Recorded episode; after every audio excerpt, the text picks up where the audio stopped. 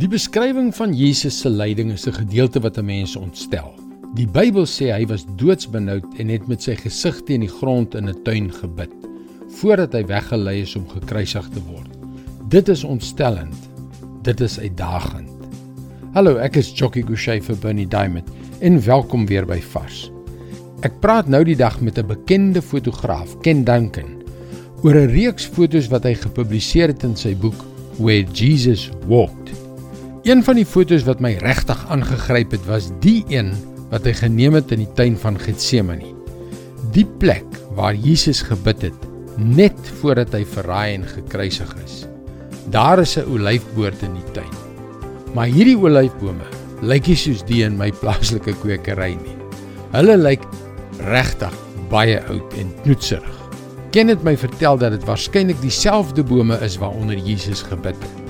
In Matteus 26 vers 36 en 39 lees ons: Daarna kom Jesus met sy disippels by 'n plek met die naam Getsemane en hy sê vir hulle: "Sit hier terwyl ek daar gaan bid."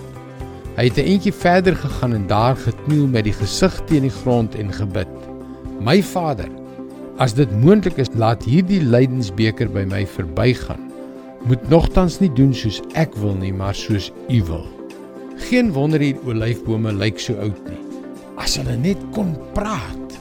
2000 jaar daarna is hulle nog daar. En in al die tyd het die kragtige boodskap van dit wat onder hulle afgespeel het, nie verander nie. Jesus sterf aan die kruis vir jou en vir my om die prys van ons verwerping van God te betaal. En toe ek na die bome op die foto kyk, het dit gelyk asof hulle daar staan soos ou boodskappers soos 'n lewende uitnodiging. Jesus het gesterf en weer opgestaan vir jou. Sy vergifnis, sy genade, sy vrede is vir jou. Hierdie uitnodiging is vir jou.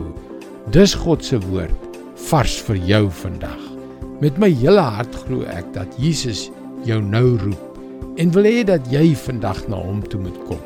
En weet jy een van die beste maniere om dit te doen is om hom in en deur sy woord te leer ken. Besoek gerus ons webwerf varsvandag.co.za vir toegang tot nog boodskappe van Bunny Diamond.